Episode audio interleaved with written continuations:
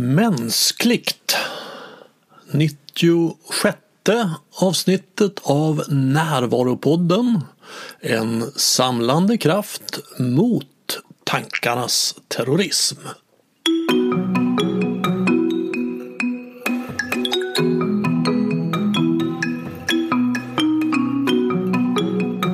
Det här är Bengt Renander. Närvaropodden är mitt sätt att dela med mig av värdefulla insikter om hur medvetenhet och närvaro kan hjälpa oss att sluta terrorisera oss själva och andra med tankar. Jag har några teman till som jag vill prata om i poddens form. Men sen kommer jag att satsa på ett annat sätt att nå ut med den här kunskapen. Vill du veta mer om det så anmäl dig till mitt nyhetsbrev under fliken kontakt på hemsidan renander.nu. Närvaropodden skyr ju inte de stora ämnena och här har jag ett samtal med författaren Lena Andersson om hur det är att vara människa. Lena är aktuell med boken Studie i mänskligt beteende som jag varmt rekommenderar. Dels som en givande läsupplevelse men också som utgångspunkt för samtal om hur vi människor håller på. Jag och Lena pratar här om svårigheten i att förstå något så komplext som människan. Om att vara en kropp eller ha en kropp. Om vad som är föränderligt och vad som är beständigt i oss. Om fri vilja, om man skulle vilja byta med en fågel. Om att vi är dömda att förbättra.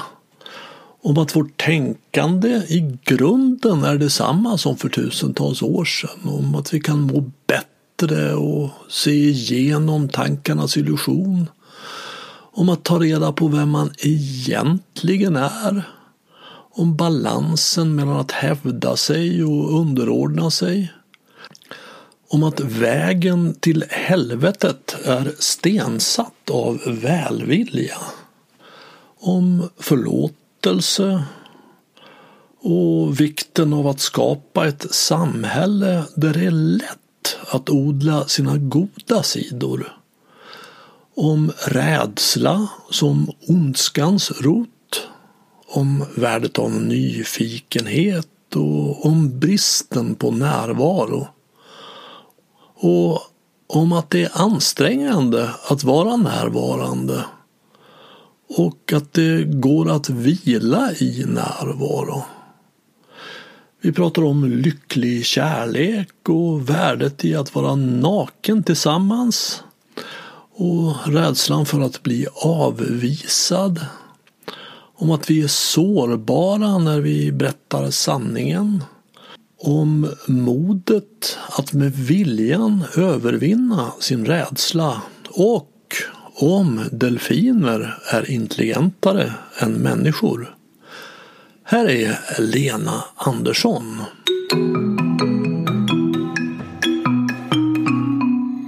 det är väldigt mycket kropp alltså, att mm. vara människa. Vi släpar på vår kropp hela livet. Vi har samma kropp fast den ändras, eh, förändras. Och, eh, faktiskt genom hela livet förändras ju kroppen och eh, man måste ha kontakt med den för att, eh, för att den inte ska förändras på oönskade sätt. Eh, och sen är det ju också då tankeliv, själsliv, känsloliv eh, och allt det här som, som går genom kroppen men som vi ändå tycker att det är värt att dela upp. Många av oss tycker ändå det är värt att dela upp för tydlighetens skull mellan kropp och själ. Även om det inte är en, det är inte en riktigt korrekt uppdelning egentligen. Men den, vi, vi tycker ändå att det är meningsfullt att tala om kropp och själ. Mm. Så jag tycker inte det är något fel att göra det. Eftersom vi upplever faktiskt att det, det, finns en mening med den uppdelningen. Och den här boken jag har skrivit då, alltså prosa, skönlitterär prosabok, eh, Studie i mänskligt beteende, är, handlar rätt mycket om folk som hanterar sina kroppar på olika sätt. Och sina känsloliv och sina relationer och besvär och bekymmer. Men mycket av det går genom kroppen. Man ska äta och man ska ha, ta hand om kroppen och den gör ont och den besvärar en på olika sätt. Och allt det där finns skildrat här i min bok. Ett sätt att se det, alltså det normala sättet att tänka är ju att, att jag har en kropp. Mm. Men att det är kanske mer realistiskt att tänka sig att kroppen har mig. Mm. Så kan det ju kännas ibland i alla fall. Ja, Eller att jag är en kropp kanske. Mm. Ja, men jag menar historiskt, alltså, det här är ju en evig fråga. Hur vi ska se på det här. Och, och Platon, eh, han delar ju upp, alltså han är ju väldigt upptagen om att man måste, förnuftet måste hålla kroppen. Eh, kroppen vill en massa saker som vi måste på något sätt hantera genom förnuftet. Och att pendla mellan att bejaka och hålla i schack kan man säga. Eh, och sen finns det ju pendelrörelser historiskt också då mellan hur man ser på den här frågan. Så det är verkligen en av de eviga filosofiska frågorna. diktaren Rumi vet jag, han skriver så här att This being human is a guest house. Every morning a new arrival. Den tanken tilltalar mig.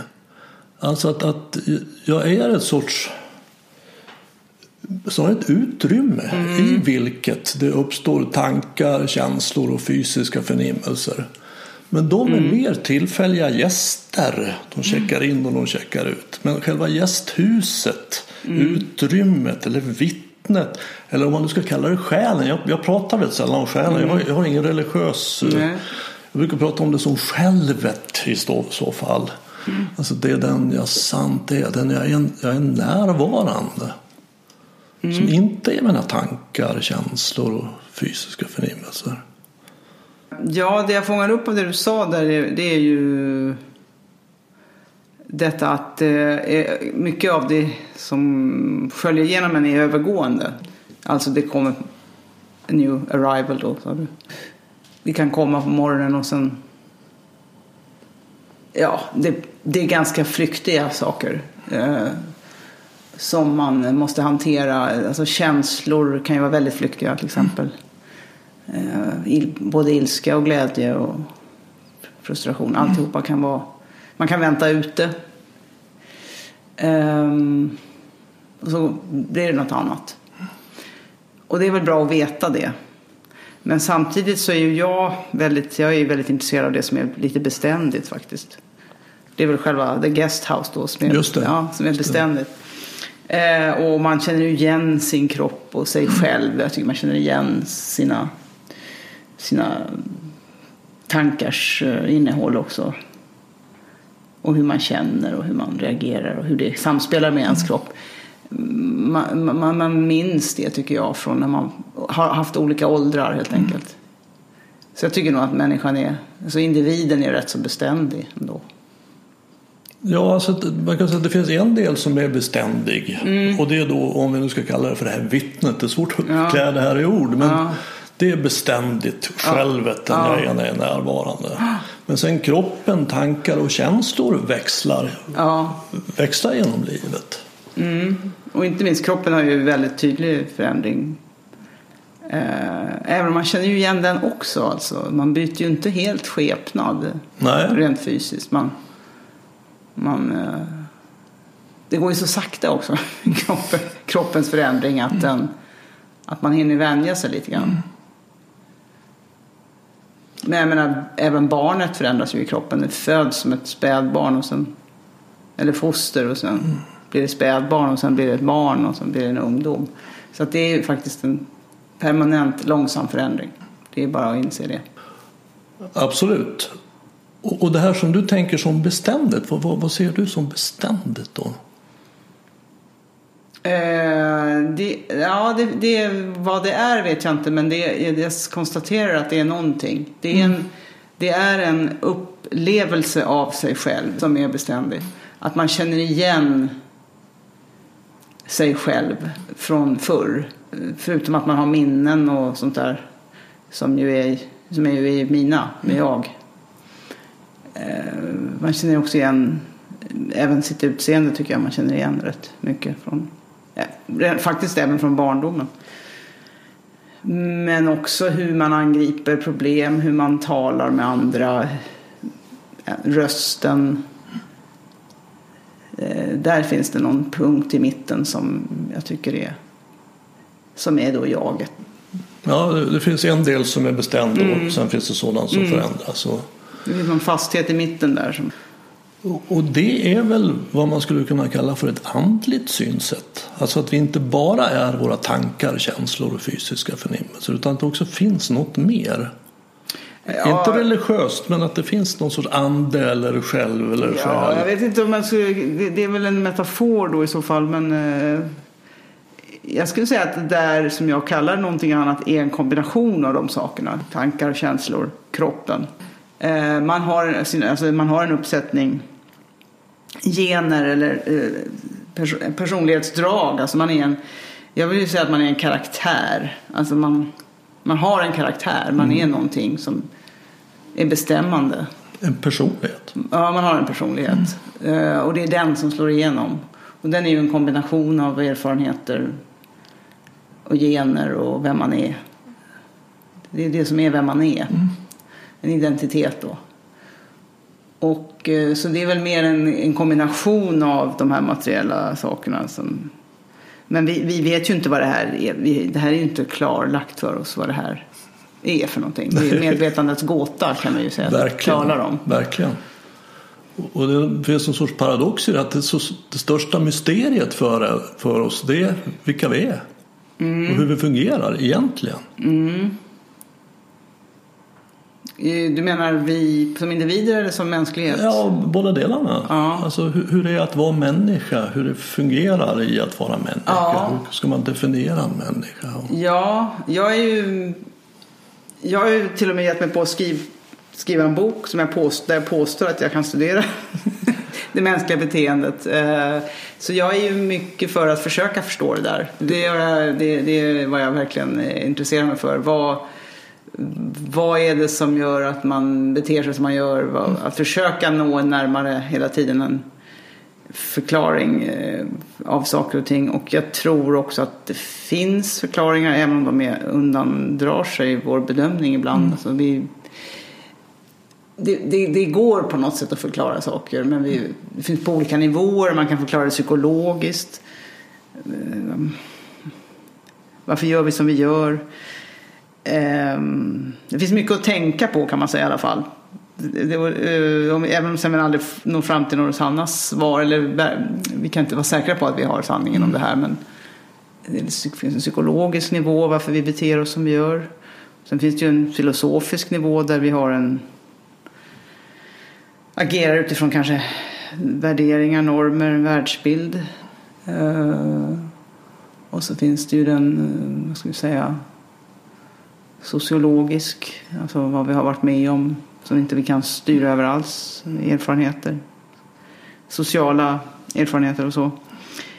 Eh, men, men, men sådär att ge upp och säga ja det här är omöjligt för oss att förstå det. Då finns det inte så mycket intressant att fundera över. Nej, jag menar det, det jag tror inte det är omöjligt att förstå, Nej. men det är väldigt komplext. Och Mycket vi, komplext. Och vi förstår det inte än. Nej, vi, kom, vi kommer nog aldrig förstå det egentligen heller för att varje svar ger nya frågor. Hur ska man förklara ett handlande? Jag menar, låt säga att någon begår en extrem handling. Bestämmer sig för att skjuta ihjäl någon. Vilket ju sker hela tiden, tyvärr. Eh, hur är det nöjaktiga förklaringar vi får om vi får veta jag menar, hur den personen har kommit fram till det här beslutet. Man blir ju inte nöjd med svaret. Och så står man där eh, till slut, man vet vad de har haft för barndom, man, man vet allt möjligt men man vet, förstår ändå inte varför de inte kunde, varför det här var det de ville göra.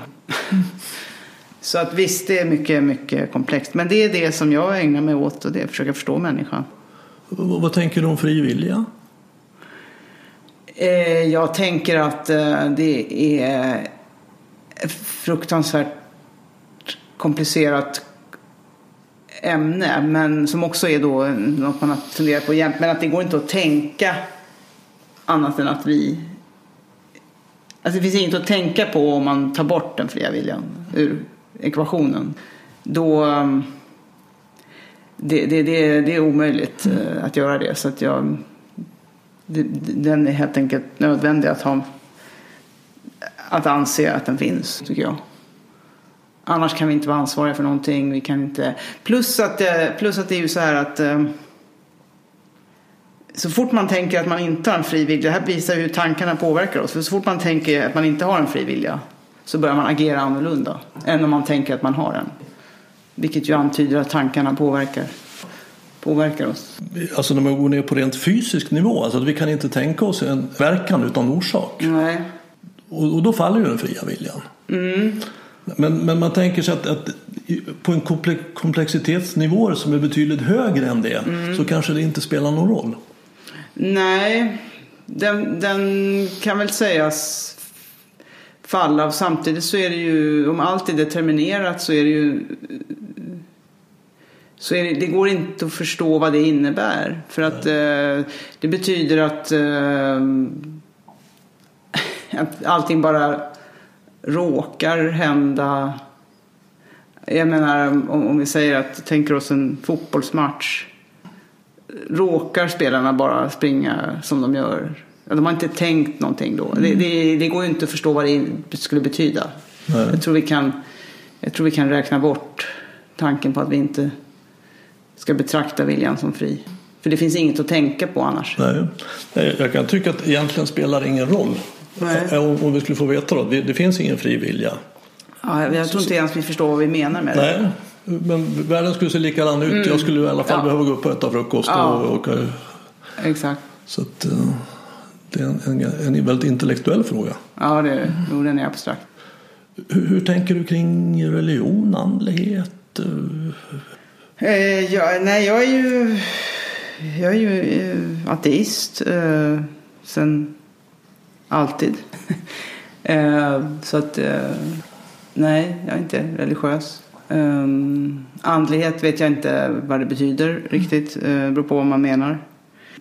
Nej, jag är, väldigt, jag är nog ganska rationellt lagd. Alltså, jag är intresserad av förnuftet och mm. att förnuftigt granska känslor. Och, så det är väl det jag försöker skriva om också i mina olika eh, genrer som jag håller på med. Det delar vi. Ja också. Jag tycker det är intressant att förstå. Mm, exakt. Istället för att förklara med magi. Ja, verkligen. Mm. verkligen. Och uh, känslor är mycket intressanta. Men man måste ha förnuftet för att kyligt titta på dem. Verkligen. Om man ska försöka förstå dem och hantera dem. Det, det finns ett citat i, ur uh, Lyftarens guide till galaxen. Jag har faktiskt inte läst den boken men jag läste citatet och jag tyckte det var bra. Och, och där skriver de att, att människan tycker att hon är intelligentare än delfinen som ju har en likartad stor hjärna. Mm. För att vi kan bygga städer som New York och vi kan ha den här avancerade teknologin och vi kan mm. ordna krig. Och... Men delfinen tycker att den är intelligentare än människan. För att den kan simma runt och bara softa. ja, precis. ja, Eh, exakt. Det, det är ju, jag tänker ofta på det när jag ser exempelvis fåglar. Eh, eller djur generellt, att de verkar ha fruktansvärt tråkigt alltså. ja. Jag skulle inte vilja byta. Människan har ju meningsskapandet. Vi, måste, vi, vi blir uttråkade. Och det beror på att vi har mycket kapacitet i hjärnan. Det, delfinerna det där är ju en människas syn på delfinen. Just det, just det absolut. får man inte glömma. Den, den någon hade levt sig in i en delfin. Eh, att det skulle vara skönt och softa. Men så fort vi gör det så, så, vill vi så vill vi inte det riktigt bara. Vi vill göra det som belöning. Vi vill göra det som eh, eh, vila. Eh, när vi har gjort, åstadkommit någonting. Och när vi softar så vill vi ha lite luxuöst, vi vill ha det skönt, bekvämt. Och då ser vi så här, det här är inte bekvämt, det här skulle man kunna göra bättre. Den här anläggningen här som jag nu har tagit in på som turist, den är ful, den är inte behaglig, här skulle det kunna vara godare mat. Och då är man i alla fall där att man måste jobba. Så vi är, vi är dömda att Eftersom vi ser vad som kan vara bättre hela tiden. Det där skulle kunna vara lite bättre. Lite snyggare, lite vackrare, lite trevligare, lite godare mat. Så är vi dömda att jobba Ja. hårt. Och då vill vi sen ha lite belöning och så vill vi jobba igen. Så, så det är nog min livsprincip att jag, man, man, vi helt enkelt har vi följer en rytm som är anspänning och avspänning. Och, Mm, och jag hör att du använder ordet dömda. ja, ja. Så det, det finns en förbannelse i det också. ja, om man så vill. Eh, man så vill. Jag, jag Jag tycker säga, inte det, men eh, man kan ju se det så. ja, jag, jag brukar tänka att det är inte lätt att vara en apa som kan tänka. Nej, nej. Alltså vi är båda. Vi är båda en apa och så kan vi tänka. Och det var ju i storleksordningen 100, möjligen 200 000 år sedan som den förmågan Mm. utvecklades. Innan det var vi ju bara en apa. Eller det var inte vi som var det. Men Nej, det var inte vi som var det fanns bara apor Ja, innan. precis. Men sen kom det här. Det hände någonting. Sen blev vi dömda att till jobba att vilja hårt. förbättra. Ja, vi vill förbättra. Ja, Vi vill göra något lite mer, lite vassare, lite eh, skarpare. ja. Och, och det förstår man ju att det är evolutionärt gynnat. Ja. Alltså man Ja. har sagt att nu har vi hittat stenyxan. Ja, ja. Wow, nu Visst, är vi klara. Ja. Bättre än så här kan det inte bli. Nej, precis. Då hade, det varit, då hade vi suttit där med stenyxor. Mm. Det, det, det är det djuren gör. De kommer ju ingenstans. De eh, har ju ingen historia. Nej, det, det är ju i princip samma som att födas som gädda idag som det var för tusen år sedan. Ja, eller, eller tusen miljoner år sedan. Ja, om det nu fanns gäddor Ja, då. inte. Nej, men alltså det är en jädra skillnad att födas som människa idag bara mot för hundra år sedan. Ja, i det yttre. Men eh, jag brukar betona att det inre, det är samma problem, samma bekymmer. Man ska hålla sig frisk och man ska jobba och man ska äta och man ska sköta sitt och vara moralisk. Så det, det, det är både stor skillnad och stora likheter. Det yttre ändrar sig och blir Precis, i bättre. det yttre är det stor skillnad. Mm. Men, men kanske i det inre så har vi mycket kvar av den där som var för en halv miljon år sedan. Alltså den här apan. Nej, jag, jag vet inte om jag har, ja apan kanske, men framförallt så tror jag ju att människan är bestämd, väldigt sig lik alltså. Det är ju Sen, sen alltid.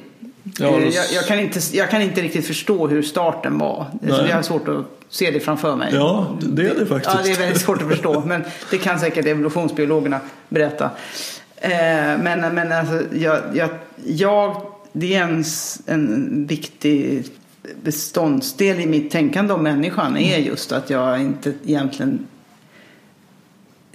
Utveckling har vi ju naturligtvis eh, eftersom man kan inte hoppa över olika led. Men vi, vår potential har varit samma hela tiden. Vi, vi är samhällsvarelser exempelvis.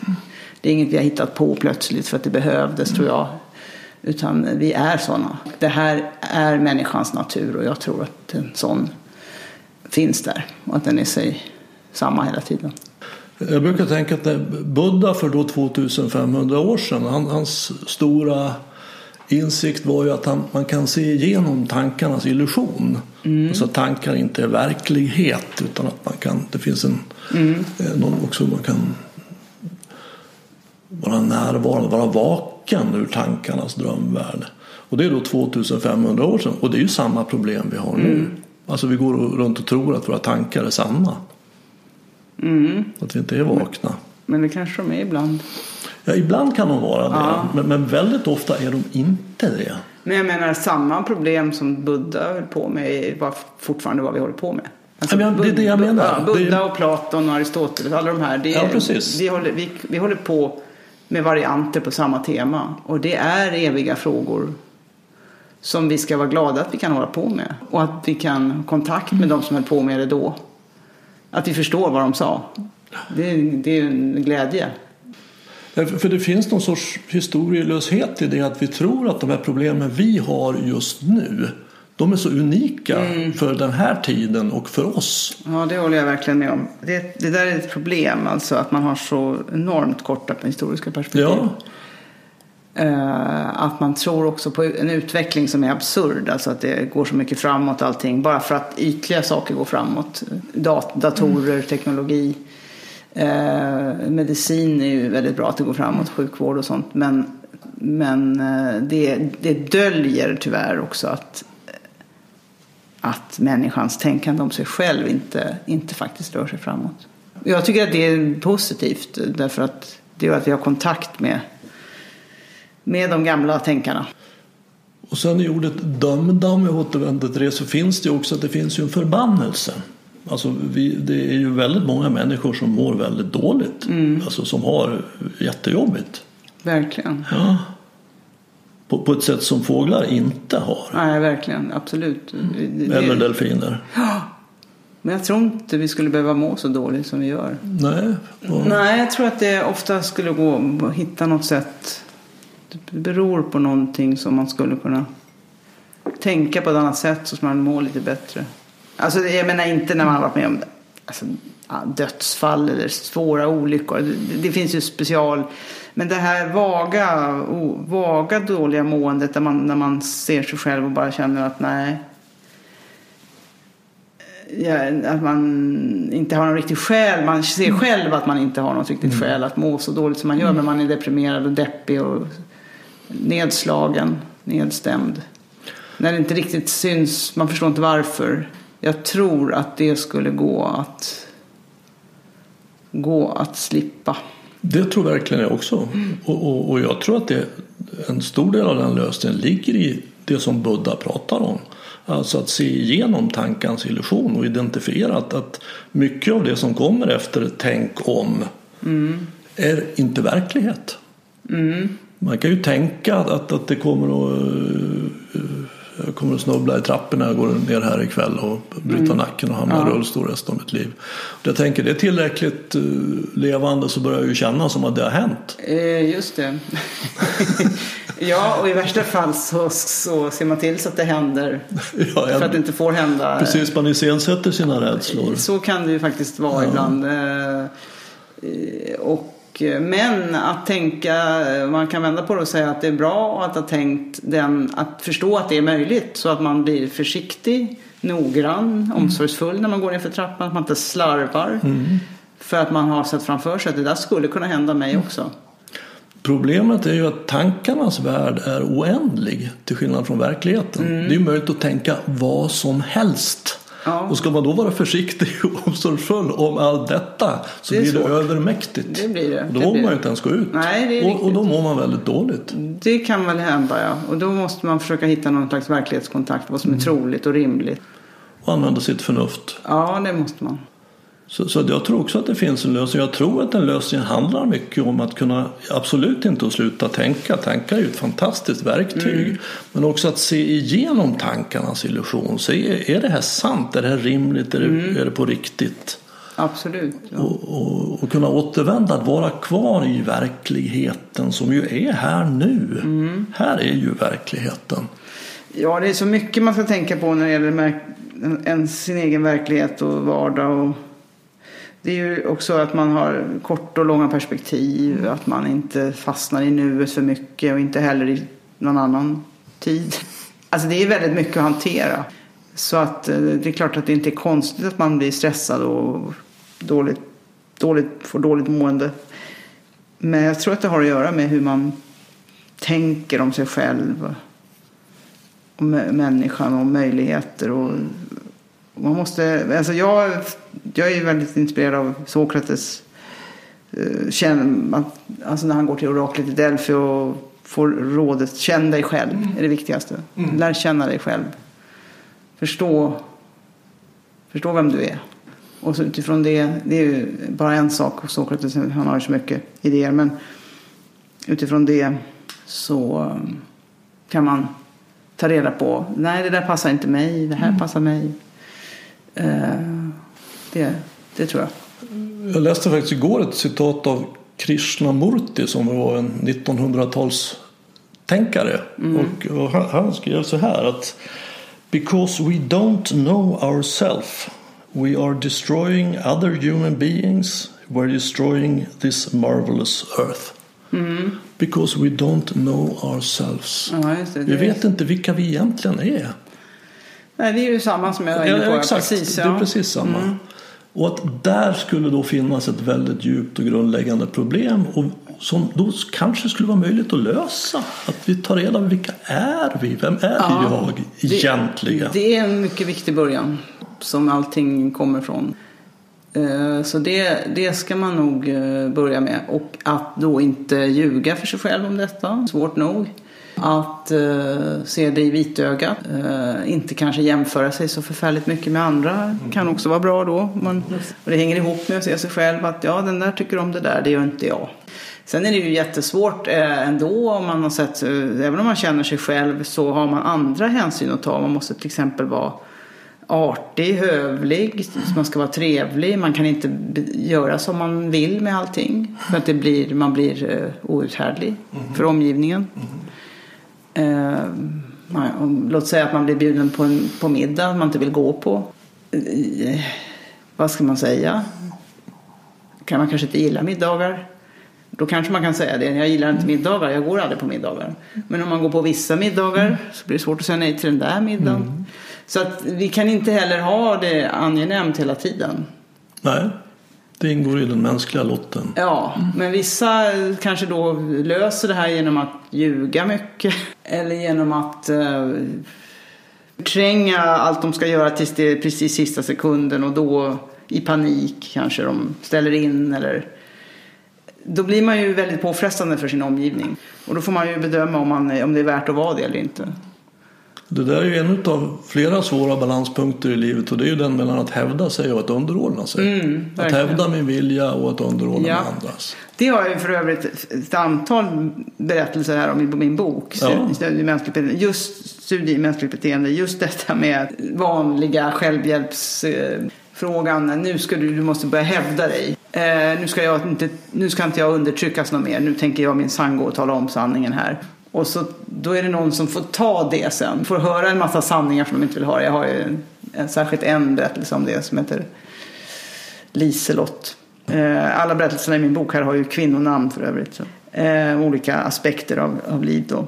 Och eh, där är en som ska, nu ska berätta sanning. Alltså hon är helt inne i sluten i sig själv. Och, eh, hon kan inte se sig själv utifrån eh, hur det här uppfattas. Eller, utan hon har en massa rättigheter. Och det blir ganska outhärdligt. Ja, fruktansvärt. Alltså jag hade ont i magen i två av de här samtalen. Dels Ja. Littelotts samtal men sen också Amandas samtal med Olga. Ja, det är också påfrestande. Ja, mycket. Mm. Eh, Jag fick, det gjorde ont. Ja, och det är ju meningen. För det här är ju inte Ja. feel good litteratur Ja, det är inte, ja, det är det också. Jag skrattade vid flera tillfällen. Ja. Så att det, jag tycker det är en väldigt rik bok. Den innehåller många olika aspekter av mänskligt beteende. Och jag tänker att det här handlar ju om en, en annan balans, om man nu ska kalla balanspunkt kanske snarare polaritet. Och det är ont och gott. Mm, Ondska och godhet. Som är någonting som vi konfronteras med. Det gör vi verkligen och samtidigt så har vi eh, på många sätt bestämt oss i vår upplysta tid för att det där finns inte.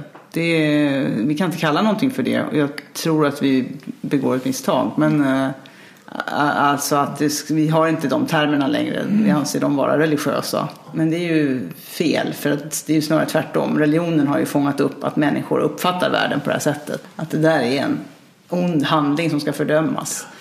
Och jag tycker det du beskriver så bra hur ondskan kläs i godhetens kläder. Mm.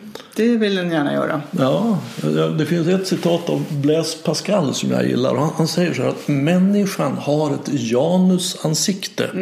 Hälften ängel, hälften bäst. Den som tror att han är ängel beter sig alltid som en bäst. Ja, det ska man akta sig för att tro. Ja. Det är väldigt sant. Det finns ett annat uttryck som säger att vägen till helvetet är stensatt av välvilja. Och de citaten tänker jag på när jag läser dig. Läser din bok här. Det är nog riktigt. För att, att både den här Liselott och Amanda, för Liselott hon vill ju be om förlåtelse. Ja, Eh, det vill hon. Eller hon vill ställas... Hon vill... eh, Mm, hon vill...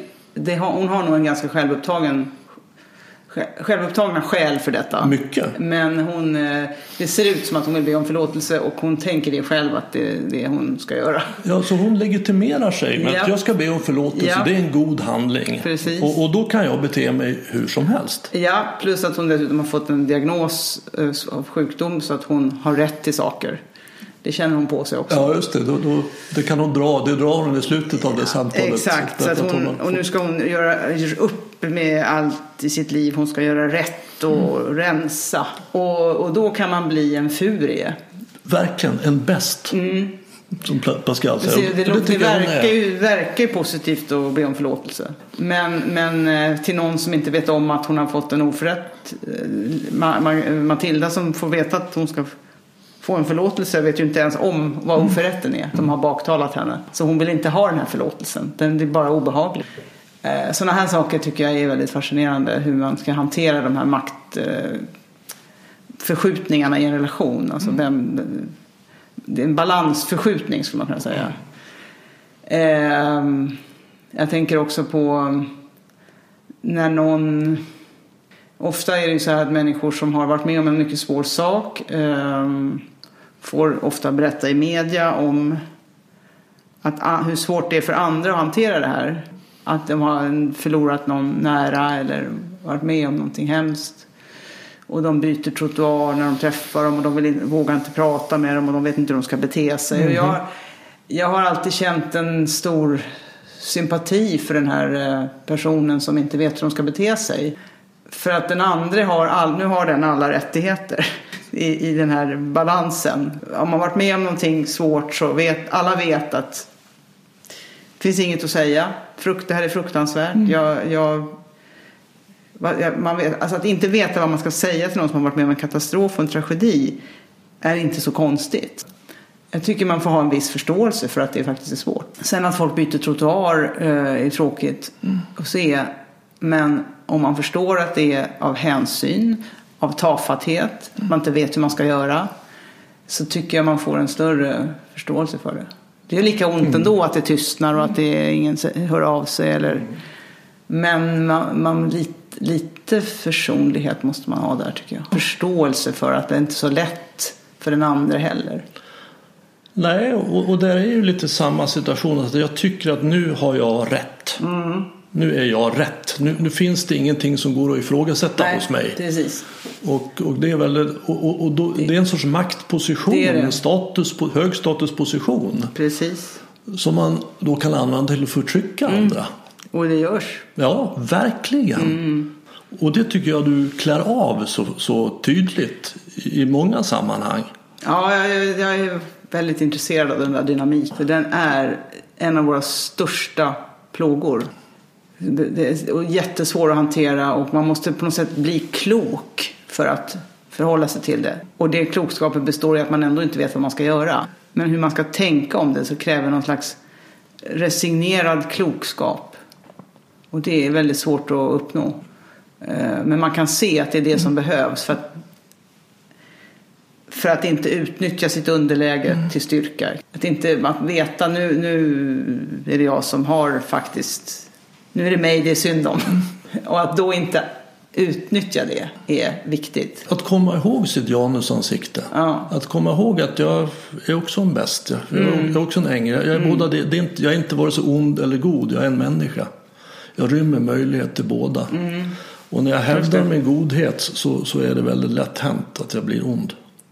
Ja, och om man utnyttjar för mycket att man vet att nu har jag lite, jag har lite på kontot här nu. Hon är skyldig mig saker nu. Att då inte utnyttja det för mycket är ju viktigt. Det är just en sån där sak som jag ville studera i den här boken. Alltså diskutera med mig själv och läsarna. För att det här är, det här är någonting som vi håller på med hela livet. Och, och det där har ju jag någon känsla att det är något som har blivit vanligare de senaste kanske 10, 20, 30 Det här med underläge och förhandling. Ja, det här med att man har en moralisk, tar en moralisk hö- höjdpunkt. Absolut. Och, och utifrån den så kan jag bete mig och egentligen göra vad som helst. För jag har, Ja. som utav det andra samtalet där som Amanda har med Olga, Mm, att hon har ju då en värdegrund. Som hon... som gör henne rättfärdig. Ja. Untouchable. Ja, visst, exakt. Jag tycker också att det har eh, ökat mycket och det är nog många som tycker. Det beror nog på att vi har armerat det här som alltid finns i mänsklig samvaro med olika politiska filosofier om permanent underläge, permanent utsatthet för vissa grupper. Eh, En slags metafysisk hierarki mellan olika män, kvinnor, olika hudfärger och så här. Det har ju gjort det här till en riktigt farlig, riktigt farlig dynamik. Ja, för man är ju, verkar vara mer intresserad då av att ha rätt än att undersöka vad det är som händer. Så blir det ju. Jag hörde, det var en kvinna som berättade en, en parallell till, till Liselottes ursäkt. Hon berättade att hon, hon hade varit svårt mobbad i högstadiet. Ja, det var ett gäng, tre, fyra killar som hade varit väldigt elaka mot henne. Blev inbjuden på ett klassträff när hon var 40-40-årsåldern och hon tvekade om hon skulle gå. Men hon bestämde sig till slut för att hon skulle gå ändå. Skulle konfrontera eller möta de här. Hon hade väl inte någon liksom, tanke att hon skulle reda ut det. Men då kommer det fram en, en av de här killarna och säger så här. Du, jag vill verkligen be om din förlåtelse för det vi gjorde. Där. Och hon... Det här är ju, alltså det är ju helt fel sak som händer. Det är inte han som ska komma och be henne Nej. om någonting. Nej. Han ska komma till henne och säga så här. Det vi gjorde på högstadiet var fruktansvärt. Jag är ledsen för det. Ja. Mm, Kan jag gottgöra dig för det på något sätt? Det med att gå runt och be om förlåtelse när jag har felat. Det är ju bättre. Jag ska ju komma och berätta att jag hade fel. Jag ska ge dig någonting. Jag ska inte be om någonting. Nej, det där är ju väldigt eh, svårt. Alltså, därför att man förstår att man har så att säga, skapat Gud, för det är bara han som kan förlåta. Vi kan inte kräva av andra att jag ber dig om förlåtelse. Sen är man kvitt ju. Ja, Och det, precis. och det kanske hon inte tycker att man är. Nej, man blir inte kvitt av det. Nej. Kvittheten blir, kommer inte att uppstå genom att jag, jag ger dig, att hon ger honom någonting. Utan det är han som ska ge henne någonting Men så jag- kan vi möjligen... Men jag tror i det här fallet att den här mm, personen som sa det här inte riktigt har det här klart för sig. För att han tyckte nog att han tyckte nog att be om förlåtelse bara är ett uttryck. Exakt. Så jag tror att han egentligen sa vi gjorde fel. Ja, det var nog det han menade. Ja, han menade Mm. det. Men det var inte det han men, sa. Nej, jag vet. Men det här om förlåtelse på svenska är ju väldigt eh, komplicerat eftersom det är just be. Men, men jag tror att vi är så vana vid det. Det är bara en fras. Mm. Ja. Så att vi hör inte att vi ber om någonting. Nej. Utan han, han menade nog verkligen vi gjorde fel. Eh, jag vill bara säga det. För vi är inte vana vid att hantera de här orden. Det är inte, vi, har vi, vi lever inte i en religiös kultur längre. Vi har inte bikt. Eh, men egentligen ska, han säga egentligen ska han bikta sig istället. Det kan vara jobbigt för henne också att behöva... Det kan vara, alltså hon kan ju bli tacksam. Men det kan också vara att hon skulle vilja säga till honom nej jag kommer aldrig förlåta dig för det här. Så kan det ju vara. Ja, absolut.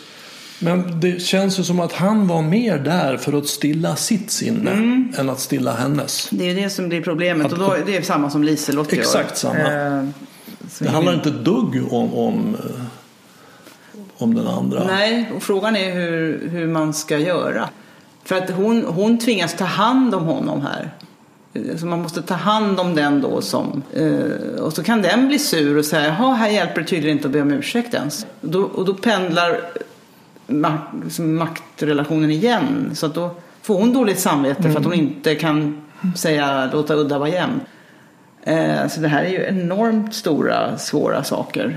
Eh, Och ehm, jag vet att jag brukar tänka det att om man har en sån där oförrätt mellan två personer så måste man tänka sig noga för om man ska ta upp kontakt. Om man har tappat kontakten exempelvis och så, så har man en oförrätt som ligger och puttrar.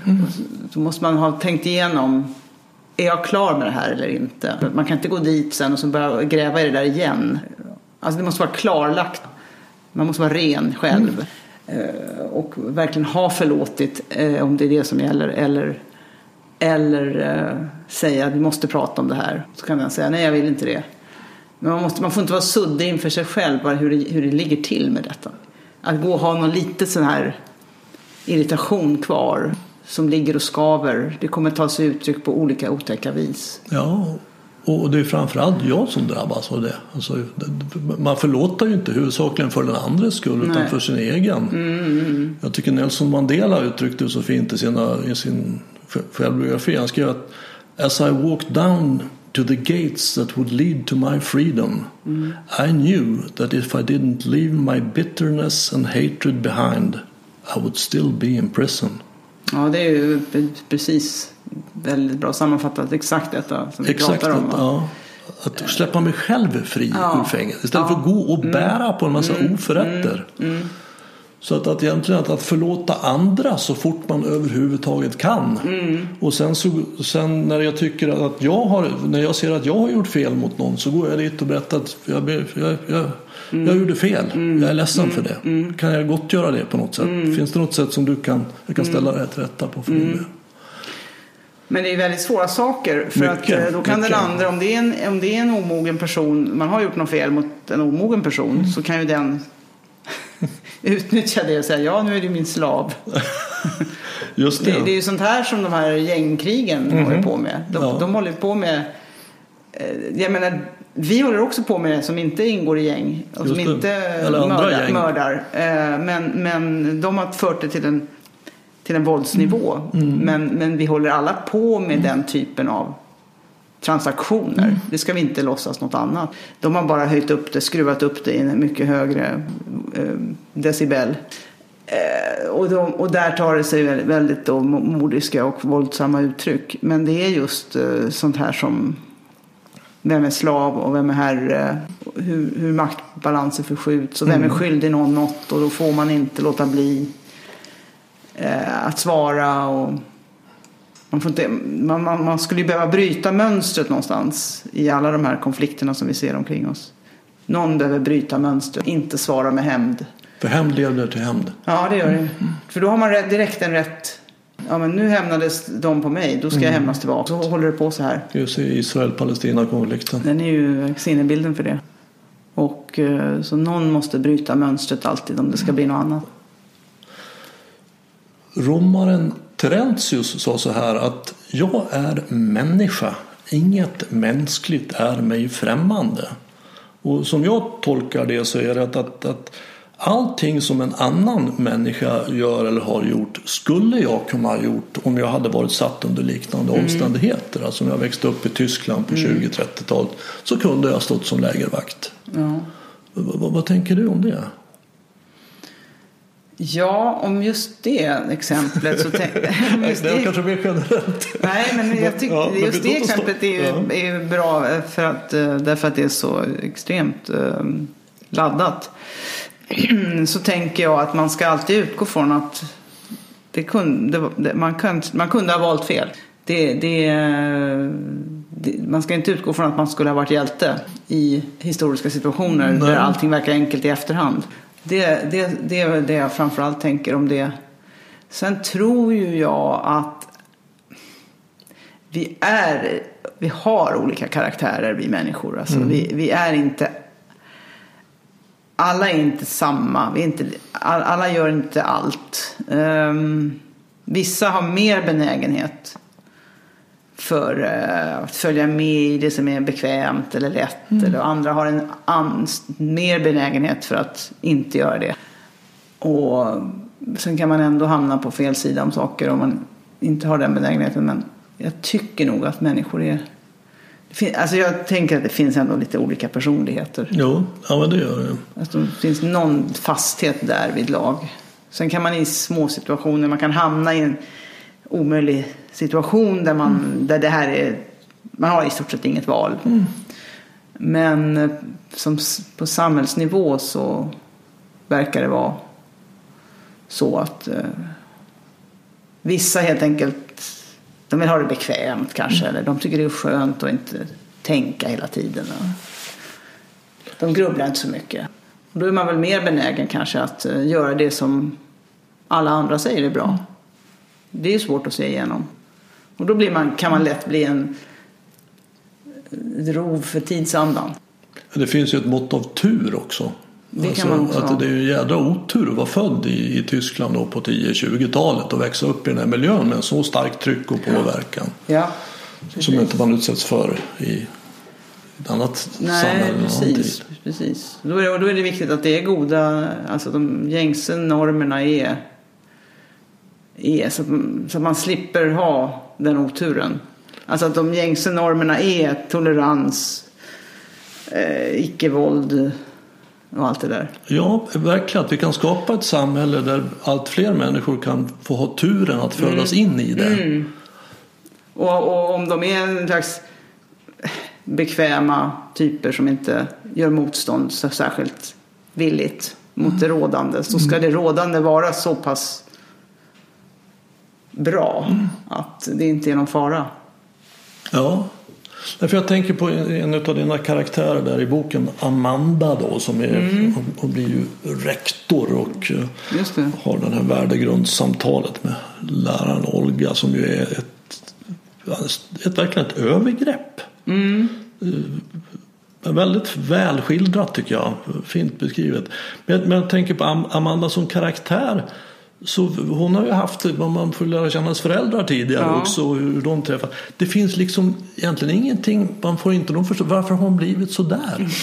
Exakt. Nej, nej, det förstår man inte. Nej, varför, var, att hon? Ja, och där skulle jag kanske, kanske säga att det för mig också är en gåta Ja. eh, som jag vill, eh, vill visa på. Ja. Eh, för, för att det, det, var, det var ingen slump att jag gav henne de här, den här fina barndomen med, som det verkar, med föräldrar Mm. som är harmoniskt gifta, de har en god kärleksrelation. Mm. Hon har en trygg uppväxt kan man ana. Föräldrarna håller ihop hela livet, inga konstigheter där. De är välbest, lagom välbeställda med socionom och lärare. Och så får de denna dotter, alltså som, som ju själv tycker att hon är otroligt rättskaffens. Exakt, det, det är en sån igen. Mm. Ja, hon är väldigt rättskaffens och det är ju det svåraste. när man exakt. själv tycker att man är så rättskaffen så rest, övriga människorna, omvä- omvärlden ser att det är hon inte alls. Eh, hon är en plåga. Så hon har blivit så här, det är den, kanske den stora frågan. Som vi inte har något riktigt svar på. Men det, icke desto mindre finns det många som är som hon. Och hon är, har blivit väldigt påverkad av en, den här ideo, en ideologi. Alltså hon styrs av de här idéerna om hur- att göra rätt och vara... Hon tycker att hon gör rätt och är god. För det är bara goda principer alltihopa. Man ska hjälpa de svaga, man ska ha den här värd, värdena. Som, men det blir fel. För Olga blir det fel. Hon kan inte undervisa som hon borde få göra. Hon blir eh, intolerant, Amanda. Hon blir självupptagen. Alltså det blir ju perverst i ordets ursprungliga bemärkelse, alltså motsatt. Mm. Alltså när, hennes, hon ska praktisera sin godhet så blir det ondska. Ja, ja. Och, och problemet är att hon inte har kapacitet att reflektera över det. Hon kan inte se det.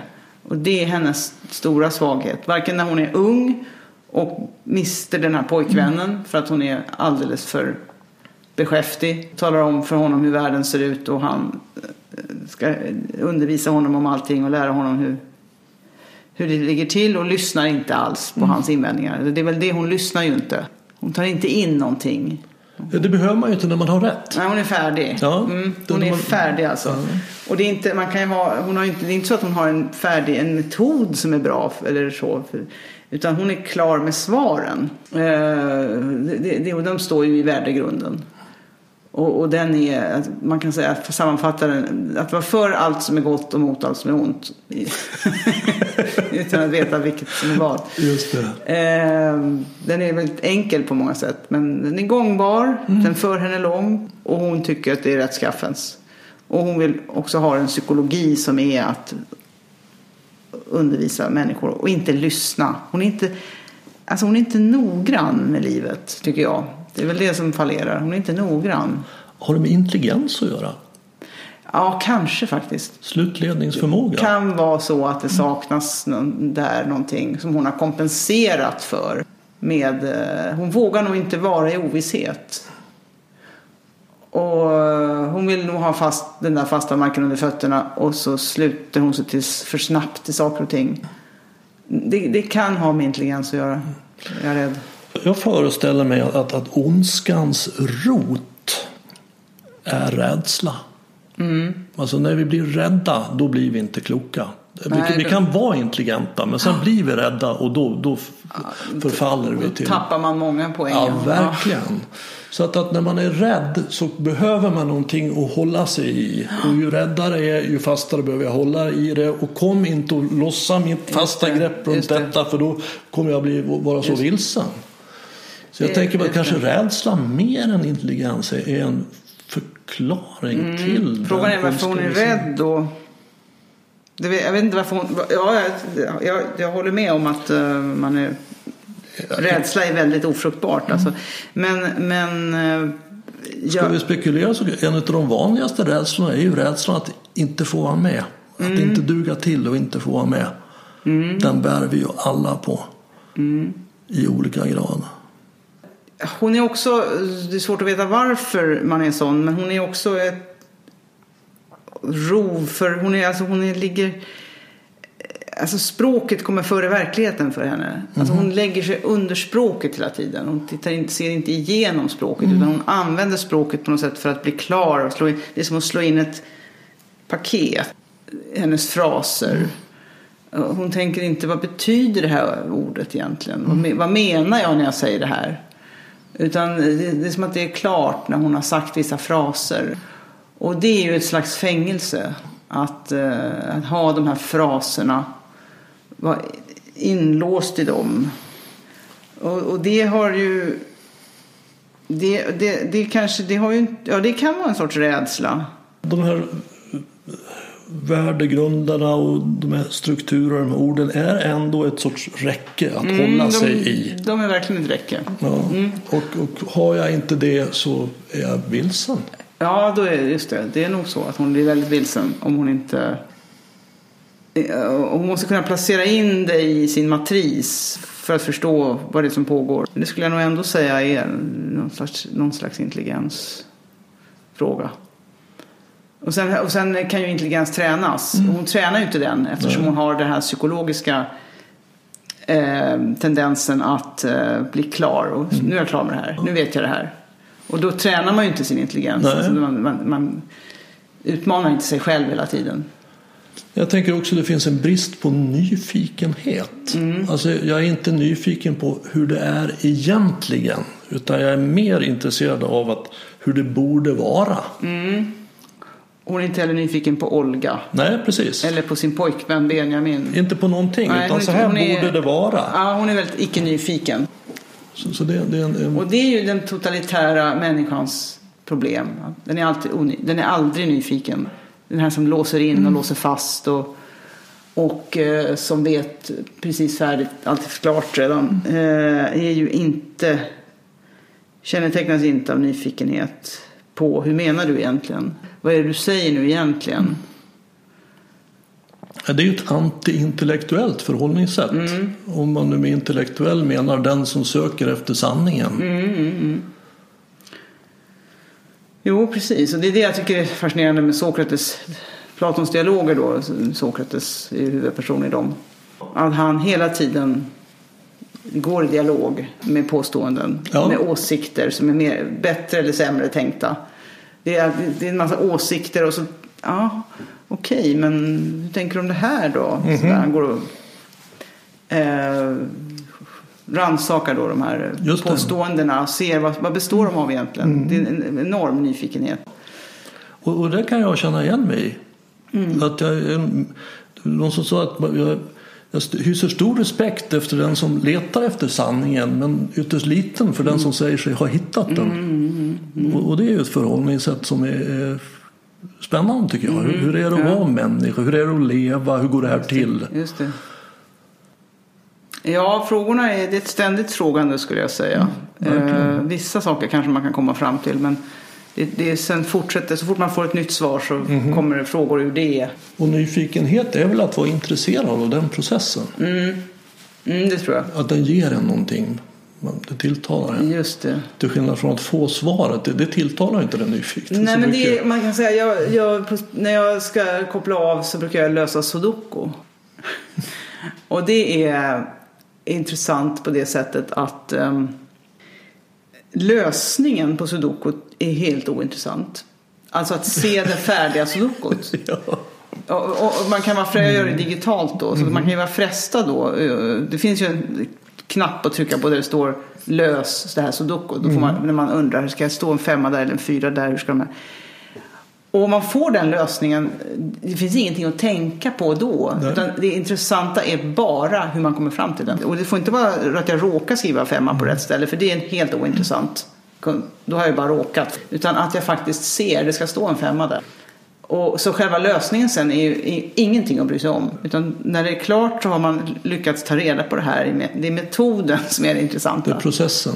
Eh, Och det, det brukar jag, det, tycker jag är lite signifikativt så här. Ja, ja verkligen. Det, det är en bra metafor för ett förhållningssätt. Ja. Att ständigt söka vidare. För att, att det Amanda gör är att hon presenterar då ett färdigt sudoku. Ja, det och gör tycker, hon. och tycker att man ska intressera sig för Och det. hon är fascinerande ointresserad av eh, varför invänder Olga mot det här? Hon skulle kunna vara undra, men vad är det, varför ser du inte det jag ser? Varför, varför tycker du att jag, varför, jag hör att du är skeptisk. Jag har ju en annan be- berättelse i den här boken som är ett med, på slutet finns det en, en berättelse som heter Ruta. Eh, och hon är egentligen knappt med i berättelsen utan det är, ett mid, det är det. middagsmöte mö, mö, möte på en middag mellan personer som inte känner varandra och så visar det sig att de har en gemensam bekant. Och eh, den här bekanten Ruta har gett en helt annan berättelse om sig själv för sina arbetsgivare som sitter där på middagen än den här än, än, än den gamla vän till henne som kände henne i barndomen vet är sann. Nämligen att hon var från Husby. Att hon inte alls var elitgymnast utan en ganska medioker gymnast. Hon har förbättrat sin, sin bakgrund helt enkelt. Och eh, en av de saker som var fascinerande tyckte jag med att skriva den var det här paret som får hör av en barndomskamrat till sin medarbetare. Det stämmer inte. De är för det första är det fascinerande eh, i den berättelsen tyck, tyckte jag då att eh, hon har ljugit om sin bakgrund. Just det. är ju un- underligt i sig. Det är spännande på något sätt. Inte Och helt ovanligt heller. Nej, men precis. Det och sen eh, var jag väldigt intresserad av när den här berättelsen växte fram. Varför undrar de inte över det här? De, de, de är avstängda. De lyssnar inte på vad hon säger, den här Ravia som är kompis med Ruta, var kompis med Ruta i barn. De borde ju vara så här, men vänta, du kände henne som barn, det måste vara du som har rätt. Eller åtminstone måste vi lyssna på vad du säger här. Vem, hur har det blivit så här? De tar inte in vad hon säger. Och eh, det här, det tycker jag att jag är med om ibland. Att jag blir förundrad över, men varför, varför uppfattar du inte situationen på det här sättet som jag tycker att du borde uppfatta den? Här händer någonting. Ja, för det där är ju väldigt trovärdigt när man läser det. Det är inte så att man tycker det här att, jag, jag, Att det är tror, konstigt, Nej, nej, att det är konstigt. Sånt här händer ju aldrig. Tvärtom. Det känner man ju igen. Ja. Alltså att man, de har liksom en världsbild och kommer inte att rubba min världsbild. Den, den är helt den, klar. den är bra som den är. Den är jag, vill klar. inte, kom inte störa med sanningen här. Jag vet inte om man inte orkar eller om det är man håller saker ifrån sig eller vad det här är. Att man är... Alltså den här brist, jag tycker det är en brist på närvaro. Och det passar ju bra i närvaropodden Det då. gör det. Eh, Tala om det. Men det är en brist på närvaro. Det är en brist på I, närvaro. nu, här sitter vi nu och pratar om den här människan. De är inte riktigt där.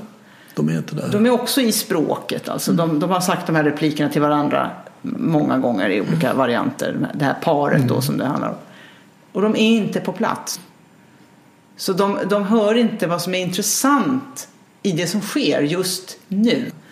Och det är, det är man ju med om ibland alltså. Jag, jag skulle stryka ibland.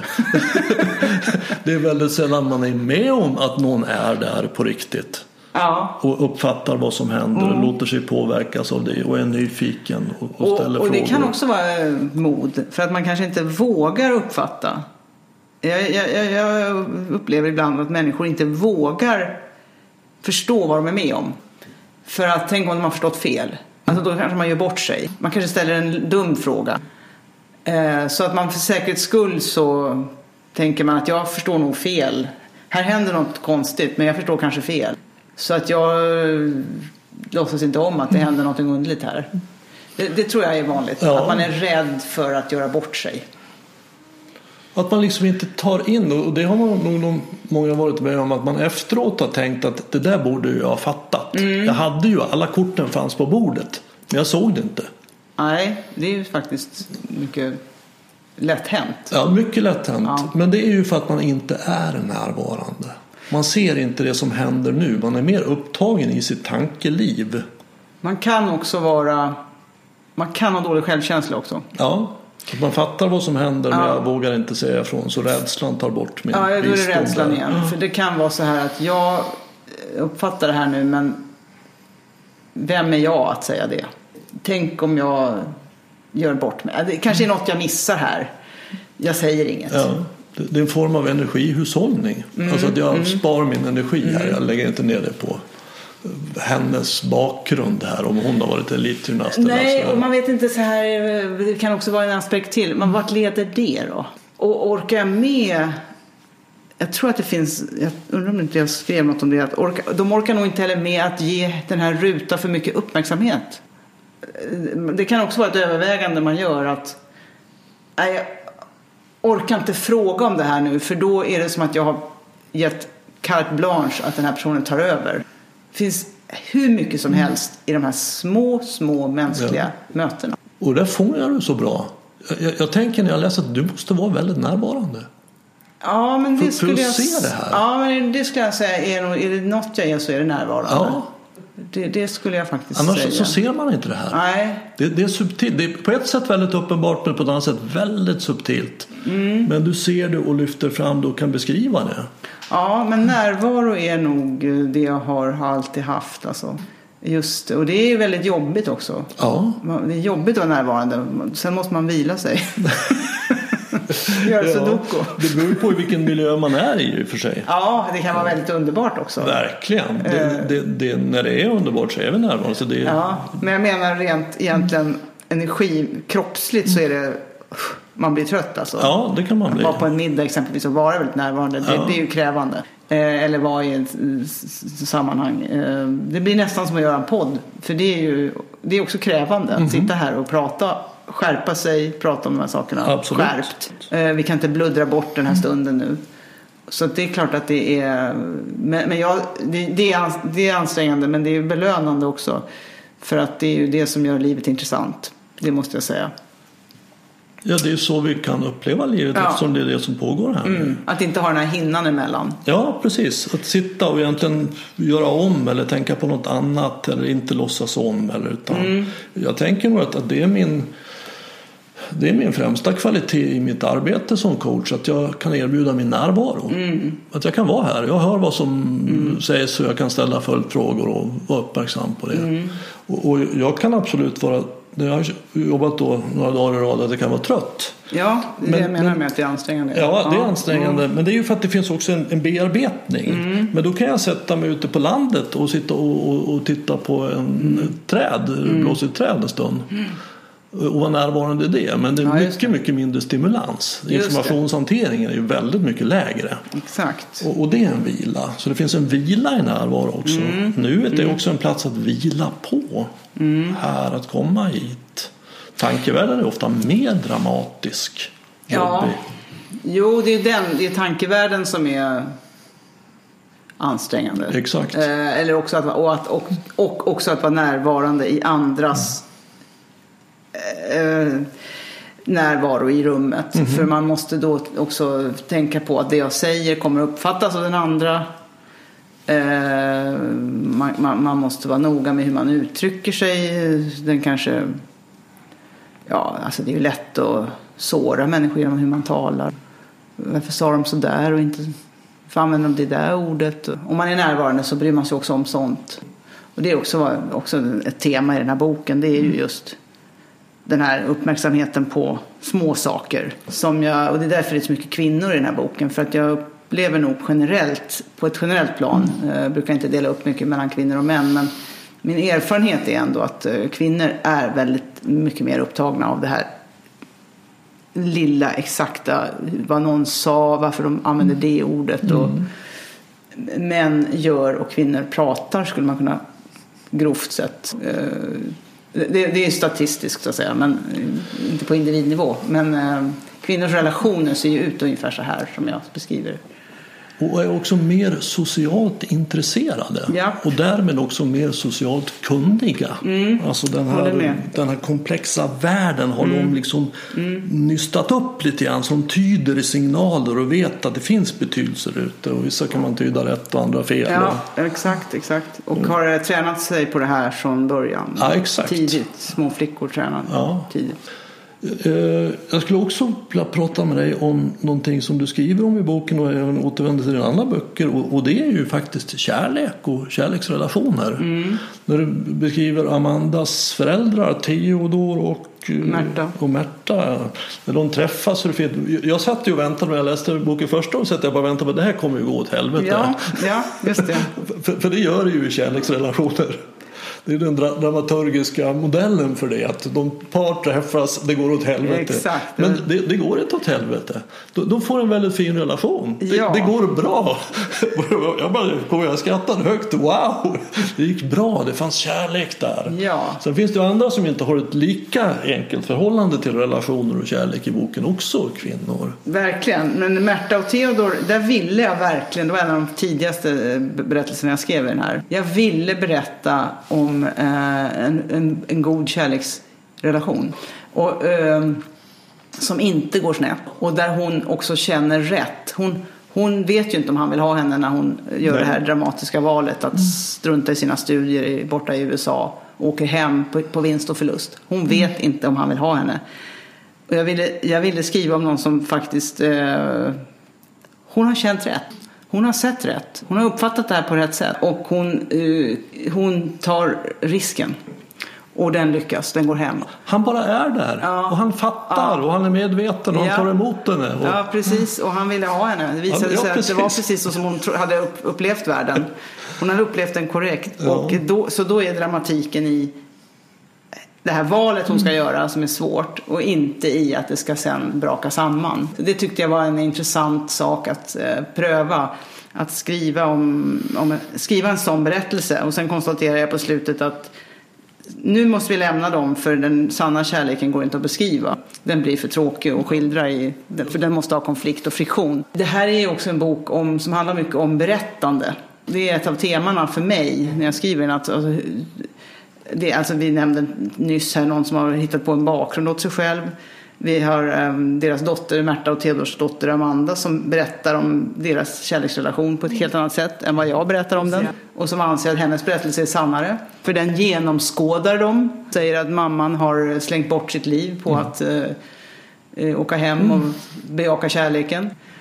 Eh, och eh, där, där man, för det är ju en intressant sak och som har varit eh, ju uppe i debatten i samhället på senare decennier, det här med berättelser. Finns det någon berättelse som är giltigare än någon annan om ett skeende? Eller är alla lika rätt? Mycket intressant fråga. Finns det något som är sant? Ja, Eller har och- alla sin sanning? Ja, precis. Och allt uppfattas som berättelser, ingenting som så att säga, nödvändigheter. Så den, men i alla fall den kärleksrelationen där, eh, den var... mm, På något sätt är den ju bokens motor. Och eh, eftersom det är också tidsmässigt, det är 1974.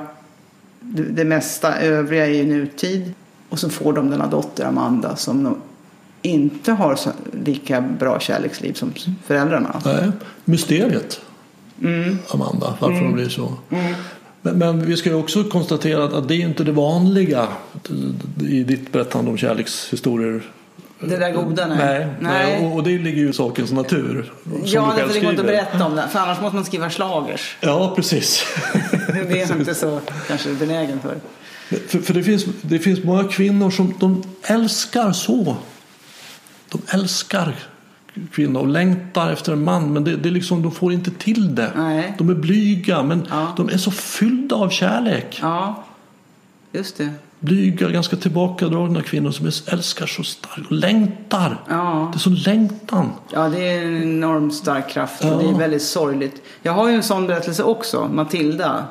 Som är så rädd för att bli avvisad att hon hellre avstår. Om hon bara hade kämpat lite så hade hon fått den där Emil.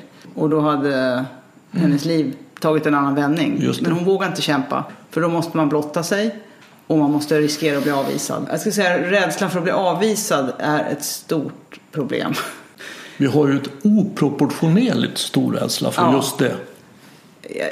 Alltså skulle det vara något man skulle lära sig när man ska söka kärleken så är det att på det igen bara. Att bli avvisad är inte farligt. Det är otäckt men det är inte farligt. Det är faktiskt inte farligt att känna någonting. Nej. Det kan vara obehagligt med vissa Ja. känslor, men de är inte farliga. Man Nej. dör ju inte av att känna man får något. göra den kalkylen. Är det här värt eh, eh, är det värt risken för det för att uppnå det man längtar efter? Och eh, så, så, så jag tror att de som längtar och inte får till det har nog ofta en väldigt stor rädsla för att avvisa. Som, är, som blir oöverstiglig. Som Ja. blir, alltså de, de går under känner de. De förintas om Ja. de avvisas. Och, och det tror jag också är aktuellt i många relationer. Alltså att man har en relation men det finns Mm. saker som man inte erbjuder eller frågar efter eller tar fram för att man är rädd att, att bli synad och, och dömd som dålig.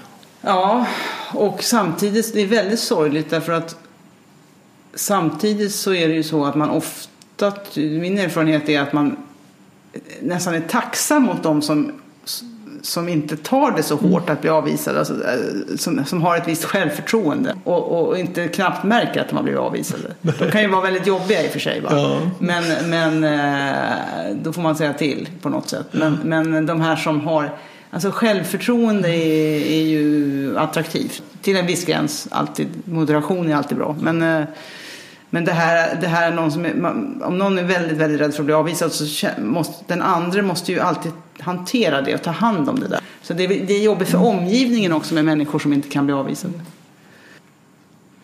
Mm, ja, men de här som längtar så mycket och så inte får till det, det är om de inte har en inre broms. En del, en del längtar men de är ambivalenta. De både vill och inte vill ha en relation. Det kan man märka ganska snabbt när man pratar med dem. Och man säger, ja men han då? Nej, nej det där passar inte mig. Nej, alltså de hittar en massa fel, fel hela tiden. Men om de verkligen längtar och eh, inte får till det, då, då tror jag att det finns goda, goda möjligheter att få till det. Men man måste nog veta vad man vill ha. Vad, vad tänker du om oss människor? Behöver vi kärlek? Vad var en relation? Är det, är det viktigt för oss? Eller vad, Ja, det? för mig är det det i alla fall. Och eh, jag tror att jag är ganska normal på, det, på den punkten, vanlig. Det finns väldigt mycket relationer i världen och det finns väldigt mycket sökande efter det. Så jag tror vi kan sluta oss till att vi har, känner mening och glädje i det generellt. Sen tar de slut och det blir katastrof och det blir... Men ändå vill vi ha det igen. En del tror ju då att det är för att vi har lärt oss, att, alltså bara att det är bara inlärt. En social konstruktion? Ja, bara en konstruktion. Bara, alla andra har det, då måste man ha det. Jag tror ju inte på den förklaringen alls. Jag tror att det är mer djupliggande, djupliggande än så. Och, och det är alldeles oavsett om man skaffar barn tillsammans eller Mm. har familj utan även vi, vi vill vara i ett par. Ja, man vill ha, man vill ha liksom olika eh, cirklar så här. Man vill ha den totala tilliten där och sen så kanske lite mindre tillit i ringen utanför. Man vill ha olika sorters relationer. Och den här, eh, det här fullkomliga mötet som är reservationslöst. Det är ju, det är ju något enastående. Det är det. Och det är möjligt. Ja, det skulle jag säga. Man kan säga också att det, det är ju väldigt praktiskt tänkt att om man nu kan hitta en med vilken man då kan ha ett andligt möte, alltså vara närvarande, djupa tillsammans, mm. ett intellektuellt möte, och ett emotionellt möte, ett sexuellt möte och ett praktiskt möte. En i samma person. Det vore ju toppen. Mm, ja visst, Ja. det är det alla strävar efter Ja, det som det letar efter kärlek. exakt, ja. exakt. Jo, men så är det ju. Men eh, det skulle jag säga att det där hänger ihop också. Jag menar det, det, den, den, fys, den rent konkret fysiska nakenheten som man delar. Så man, är, man bor ihop med någon så är man, och har sex och så är man naken. Den gör att man inte kan ha en massa murar emellan, tycker jag. Att, Det händer någonting där ja, det gör det. Det är när man hudar. Och eh, man, man är, ser, träffar varandra i alla, alla typer av situationer. Eh, Det gör ju också någonting med, med närheten. Och sen tycker jag att det handlar om det är, så, man har, det är inga reservationer på det sättet att man behöver inte känna att ah, nu får jag snart gå hem. Nu måste jag vara med mig själv ett tag. Utan det, att, att, vara med den andra är som att vara för sig själv. Att man kan dela den andras närvaro i rummet är ingenting man ständigt behöver anpassa sig till eller förhålla sig till. Utan den är självklar. Då, det är nog det som behövs för att det inte ska bli ansträngt. Jag tänker också att det finns en djup längtan i oss alla att, att kunna säga sanningen. Mm. Sanningen om mig och det jag upplever och det ja. jag tycker. Utan att hela tiden tänka, hur kommer det här att användas? Ja, precis. Eller tänk om hon egentligen har en reservation mot mig. Ja, precis. Jag kan säga sanningen ja. så som den är och bli mottagen ja. i det. För att, jag tror att ett skäl till att vi ljuger så mycket är att vi är sårbara när vi är sanna. Mm. Mm. När jag säger sanningen, mm. då är jag sårbar. Ja, och man berättar, man kan inte berätta om sig själv allting för andra. Det, det kan ju användas mot en och det kan ju missbrukas. Men det, i en relation ska man ju absolut kunna, en kärleksrelation ska man ju verkligen kunna göra det. Ja, att få födas som den man är tillsammans med någon i alla fall. Mm, någon, under ja. detta korta och enda jordeliv. Just det. Det är ju en, en, romantisk dröm. Ja, men jag tror, jag tycker att den är realistisk. Det, det tycker jag med. Den är inte kanske alla förunnad, men den är realistisk. Ja. Alltså den finns i vår potential. Men också det är ett ganska komplext projekt. Det är sammansatt. Det måste man verkligen säga. Ja. Eh, men även där gäller det att veta, känna sig själv. Mm. Vad, vad, hur ska det kännas? Vad vill man uppnå med det här? Vad, vad, vad är alternativet? Att vara medveten. Ja, det är också närvarande igen alltså. Ja, medveten och närvarande. Mm. Det är de två mm. ord som står mm. på min hemsida. Ja. Första sidan. Ja. För det är liksom grejen. Det är det och eh, när människor blir missnöjda med sina relationer så tror jag det är för att de har inte klart för sig vad de vill ha istället. Eller vad som är felet med det här egentligen. Och kanske heller inte är beredd att betala priset, alltså att blotta sig och mm. säga sanningen och vara så sårbar mm. som jag är när jag gör det. Så kan det vara och man, måste, man, man, får inte heller vara reserverad mot den här personen. Alltså man får inte hysa en hemlig reservation för det kommer att märkas. Så det, det, det får man bestämma sig för. Och då blir den lite artig sådär. Då blir man lite artigare. Man vill inte umgås hela tiden. Och, och det, så kan man ju ha det. Men det är en annan typ av relation. Då har man en vägg emellan. Och, och det där beskriver ju du i flera. Det har jag framförallt skrivit om i Utan personligt ansvar. Just det. Där gick jag, borrade jag i det där. Och hon älskar ja. så. Ja. ja, det gör hon. Hon är en riktig kärleksvarelse. det är riktigt. ja. Jag skulle ha pratat lite dig om mod också. Mm. Det, det, är också en mänsklig, det är också mänsklig, en mänsklig egenskap som vi kan ha eller i mer eller mindre grad. Jag tänker på mod som att med viljan övervinna sin rädsla. Mm. Så det kräver två komponenter, att jag är rädd och att jag vill. Just det. det stämmer det med vad du tänker kring Ja, eh, det tycker jag låter väldigt bra. Eh, för att det ska beskrivas som mod så måste man ha ett motstånd, ja, som vi kan kalla rädsla. Ja, annars är, är det, inte, annars är det inte ens mod, är fel ord. Ja. Och så måste man vilja, ja. För det är viljan som gör att man gör det trots att man ser riskerna. Mm. Och eh, trots att man skulle egentligen vilja slippa. Jo, det håller jag med om. Och jag, jag, tänker att en av de största rädslor som finns för oss människor det är ju rädslan att inte få vara med. Mm. Att bli sedd som dålig och, och lämnad utanför. Det, det, det, tror jag vi har gemensamt. Och jag följer ju dig, du skriver i Svenska Dagbladet mm. till exempel. Jag tänker att hon vågar. Jag tycker du är modig. Jag är övertygad om att även du vill vara med och, och, vara omtyckt och respekterad. Men, men du vet, och du, du, du vet ju att det här, är, det här kommer mm. att ta hus i helvete. Så jag tänker att, att din, din vilja är också stark. Du måste ha en stark vilja.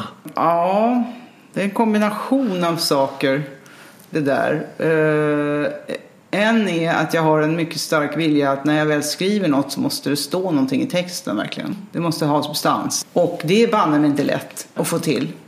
Jag känner en sorts plikt eh, att, eh, att åstadkomma substans om jag mm. kan. Och då, då borrar jag mig ner i frågorna och när man gör det och avtäcker dem så blir det ofta på något sätt en provokation.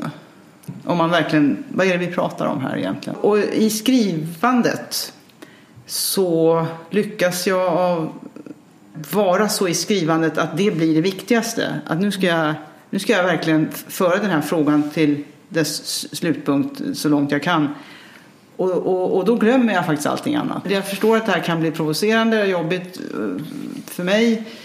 Men, men var och en som läser kommer ju se att så här måste man ju tänka om det här. Det, det, det, har jag ju kommit fram till genom att skriva fram det här. Det är inte så att jag har en tanke och sen bara ramlar jag ner den. Jag tycker då så här, läser man det här så håller man med mig. Eh, därför att det är argument och, sådär. Så att det, det är nog den här skrivprocessen. Jag håller på i flera dagar då med en sån där artikel och den, den är så um, avskärmad faktiskt från andra att jag att nästan komponenten av rädsla faller bort. Så, det, så att skriva den, det kräver inte så mycket mod? För då är du i en intellektuell ja, process där du försöker klargöra någonting. Det är nyfikenheten mm. som, som driver dig. Den tar över mycket. Jag kan vara lite rädd innan. Men sen när jag väl gör det, då försvinner nästan all rädsla eh, under skrivprocessen. Och ersätts då av eh, en vilja att klargöra det här så tydligt att det inte att vi måste flytta diskussionen till en annan punkt. Och det är väl där ilskan uppstår på något sätt. När, man, när den ska flyttas. Eller när, att det finns något lite lätt ovedersägligt i vissa saker jag säger. Så som jag säger dem. Och det kan man bli arg på. För att man kommer liksom inte runt det. Man, man, man blir snärjd som läsare. Man hittar ingen motangrepp. Och då, då är det väl det som tror jag skapar ilska. Ofta. För jag, jag tänkte ju det när jag läste just Amandas samtal med Olga i din bok. Att det är ju du emot i, i den offentliga debatten. ja, kanske lite grann. Ja. Att vi har den offentliga debatten mot dig.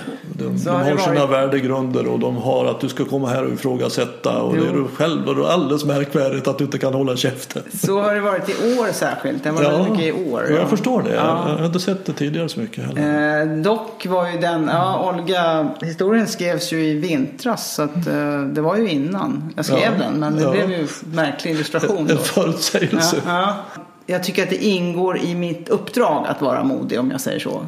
Det, det, det, är, lite grann, det är lite grann som att ta på sig en uh, uniform i ett uh, uniformsyrke. Det, alla säger att det gör något med en. Polis eller sjukvårdare eller Alltså man, man, blir något, man blir inte bara ett jag utan man blir Jag menar att en, mitt uppdrag när jag har en sån här plats i en tidning är inte att säga det alla redan har sagt. Att det är inte att säga det alla redan vet, utan att hitta någonting som vi behöver prata om, något annat. Att inte eh, upprepa självklarheter. Så att jag, det hjälper mig att tänka så att det här är mitt uppdrag. Oavsett vad, och att alla förstår det på något sätt. Att det, det, det är det är den intellektuelles uppdrag. Och att de förstår att jag förstår att att det finns en massa komplexiteter i de här frågorna. Men här finns något som skulle behöva diskuteras. Och då är det mitt jobb att inte rygga för det, skygga, rygga tillbaka eller, eller skygga för det. Och eh, jag har också den uppfattningen att det offentliga samtalet ska inte vara ett middagssamtal. För vid middag, där ska man ha trevligt, tycker jag. Om man är bjuden hem till någon ska man ha trevligt. Man ska inte provocera och dansa på bordet och hålla på och ställa till det. Så de här etikettsreglerna faller bort. Det, det, vi ska försöka mm. istället skärskåda dem. Det är inget middagssamtal. Utan det är, det, där får det finnas konfrontation, eh, konflikter. Och de ska ut och fram. Det, det hjälper också till för mig att jag ser detta som ett som ett uppdrag. Och, och det verkligen ett hedervärt uppdrag. Och, och, men vad jag tycker utifrån min horisont, vad jag tycker se det, det är att, att de, dina motståndare missuppfattar dig. De vill inte se det du skriver utan de påstår att du har skrivit någonting annat än det du har skrivit. Mm. Och sen så argumenterar de mot det.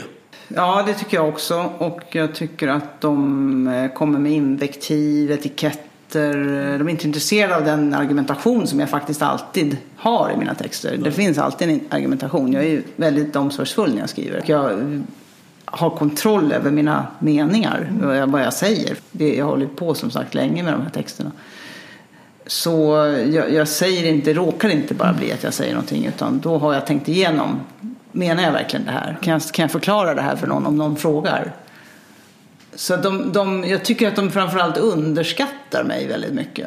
Alltså jag, jag har nog sällan känt mig så förminskad som de här, det här året av alla kommentarer som har skett. Att de inte tilltror mig om att förstå vad jag själv säger. Eller de är inte intresserade av, lite grann som de här figurerna jag skriver om i boken. att det måste ni se, att det här är inte, det är inte, åtminstone inte enfaldigt. Men jag får repliker som om jag vore dum i huvudet, som jag inte hade tänkt på det ena och det andra. Och det blir lite grann den där bristen på närvaro vi pratade om tidigare. Att de uppfattar inte det du säger utan det är någonting annat som för dem pågår. Mm. Och, det, och, det, och det får de fram med etiketter och, och olika analyser av mig mm. eller negativa tillmälen på något sätt som inte tillför så mycket kanske. Men det är jobbigt att möta det där förstås. Ja. Det är obehagligt och när det blir så mycket särskilt. Hur, hur hanterar du det då? Vad, vad är din stil? Du hänger dig inte åt lådvin gissar jag? Nej, det, det, det skulle vara förödande. Nej, precis. Jag, eh, nej, det, det, det är pressande. Ja. Särskilt när det, när det är just det här att det inte blir någon att man blir avfärdad genom att ingen svarar på, på sakfrågan. Det är inte så mycket att göra. Så ska jag på, upp på hästen igen sen och skriva en ny text. Mm. Som sen också kommer bedömas utifrån, jaha, hur har hon reagerat på det här nu då? Mm. Alltså eftersom de psykoanalyserar, de, analy, de, de, så här, de svarar ju på en annan nivå än där jag skriver. Till exempel att psykoanalysera en. Eller att tala om att eh, det, ja, men det här är ju bara gammal vanlig ideologi mm. av det här slaget. Det är ingenting om det ligger något i det, om det finns någon relevans i det. Och, och så man, jag känner mig ju bevakad och övervakad eh, och, och sådär belägrad ibland. Men det finns inte så mycket att göra. Mm. Men, jag menar, det är många som stödjer det också, många läsare. Ja. Så att um, man får glädjas åt dem då. Det finns inte så mycket att göra. Uh, jag vet inte. Nej, jag tar inte min tillflykt till lådvin. Det gör jag verkligen inte. Mm. Det var ingen misstanke jag hade. Nej, nej. nej men jag menar, jag har inga... Det, det, det vore... Men om du har någonting som, du, som, gör, som hjälper dig att hålla kvar dig i, i balansen då? För att, de, att skriva det här kräver en balans. Mm. Ja. För kommer du i affekt då hamnar du ju i samma... Ja, nej, det går ju inte. Och jag, eftersom, jag, eftersom jag håller på så länge med mina texter så är de aldrig retoriska. Mm. Alltså affekt och retorik hänger ihop. Att det bara blir en massa ord som, inte, som bara visar på mm. känslolivet. Den här retoriska texten eh, skriver man på en utandning. Mm. Den, den, skriver man ju snabbt mm. i, i vrede. Och jag gör ju inte det. Så att det, det, blir alltid att jag får tid att gå ner i vad jag egentligen säger. Så det ser jag till med, med den här metoden jag har att hålla på länge, flera dagar med en text. Så. Mm.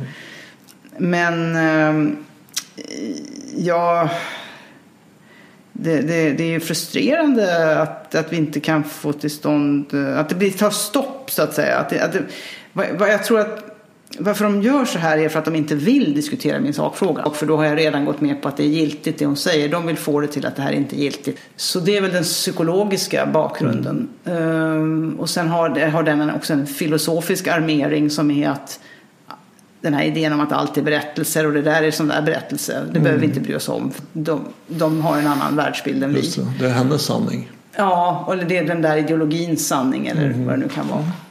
Det här har gjort att jag skriver ganska mycket om vårt samhällsklimat, eh, vårt debattklimat. Eh, som är problematiskt därför att man kan... Det finns den här viljan till att meja ner folk istället för att försöka det är väl den här uppdelningen i fiender alltså som jag tycker är så besvärlig. Att det där är en fiende, det där är en motståndare. Snarare än ligger det något i det här? Om man är filosofiskt lagd så vill man ju hitta något skäl för att ändra sig. Om det finns något bra skäl. Eller, det sokratiska samtalet. Ja, då, då, då, då hör man ju så här, ja det där ligger faktiskt någonting i, det där behöver jag ta till mig. Det är ju krävande och jobbigt och svårt för rent psykologiskt att mm. göra det.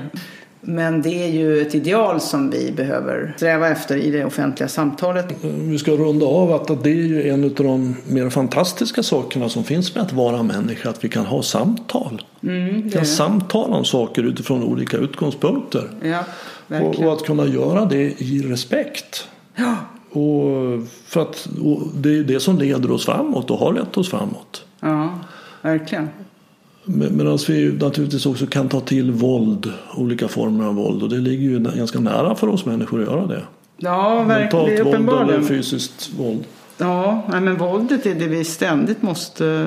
Vi får aldrig sluta tro att det går att åtminstone få ner våldsnivån. Mm. Det ser inte så bra ut den här hösten. Mm. Vad gäller våld någonstans på jorden. Mm.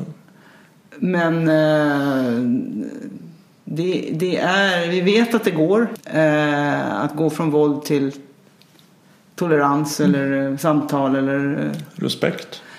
Ja, och då, då går det ju att göra det igen. Men då måste man vara enig om någonting. Men vi kan, vi får aldrig, vi kan, vi kan inte ge upp om det. Nej. Det går ju inte. Nej. För då slår vi ihjäl varandra. Mm.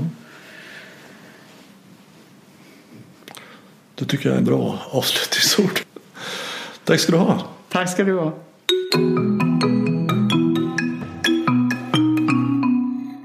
Om du vill stödja podden, hjälp till att sprida den genom att tipsa om den till vänner och bekanta. Och det är också hjälpsamt om du betygsätter och skriver kommentarer på iTunes.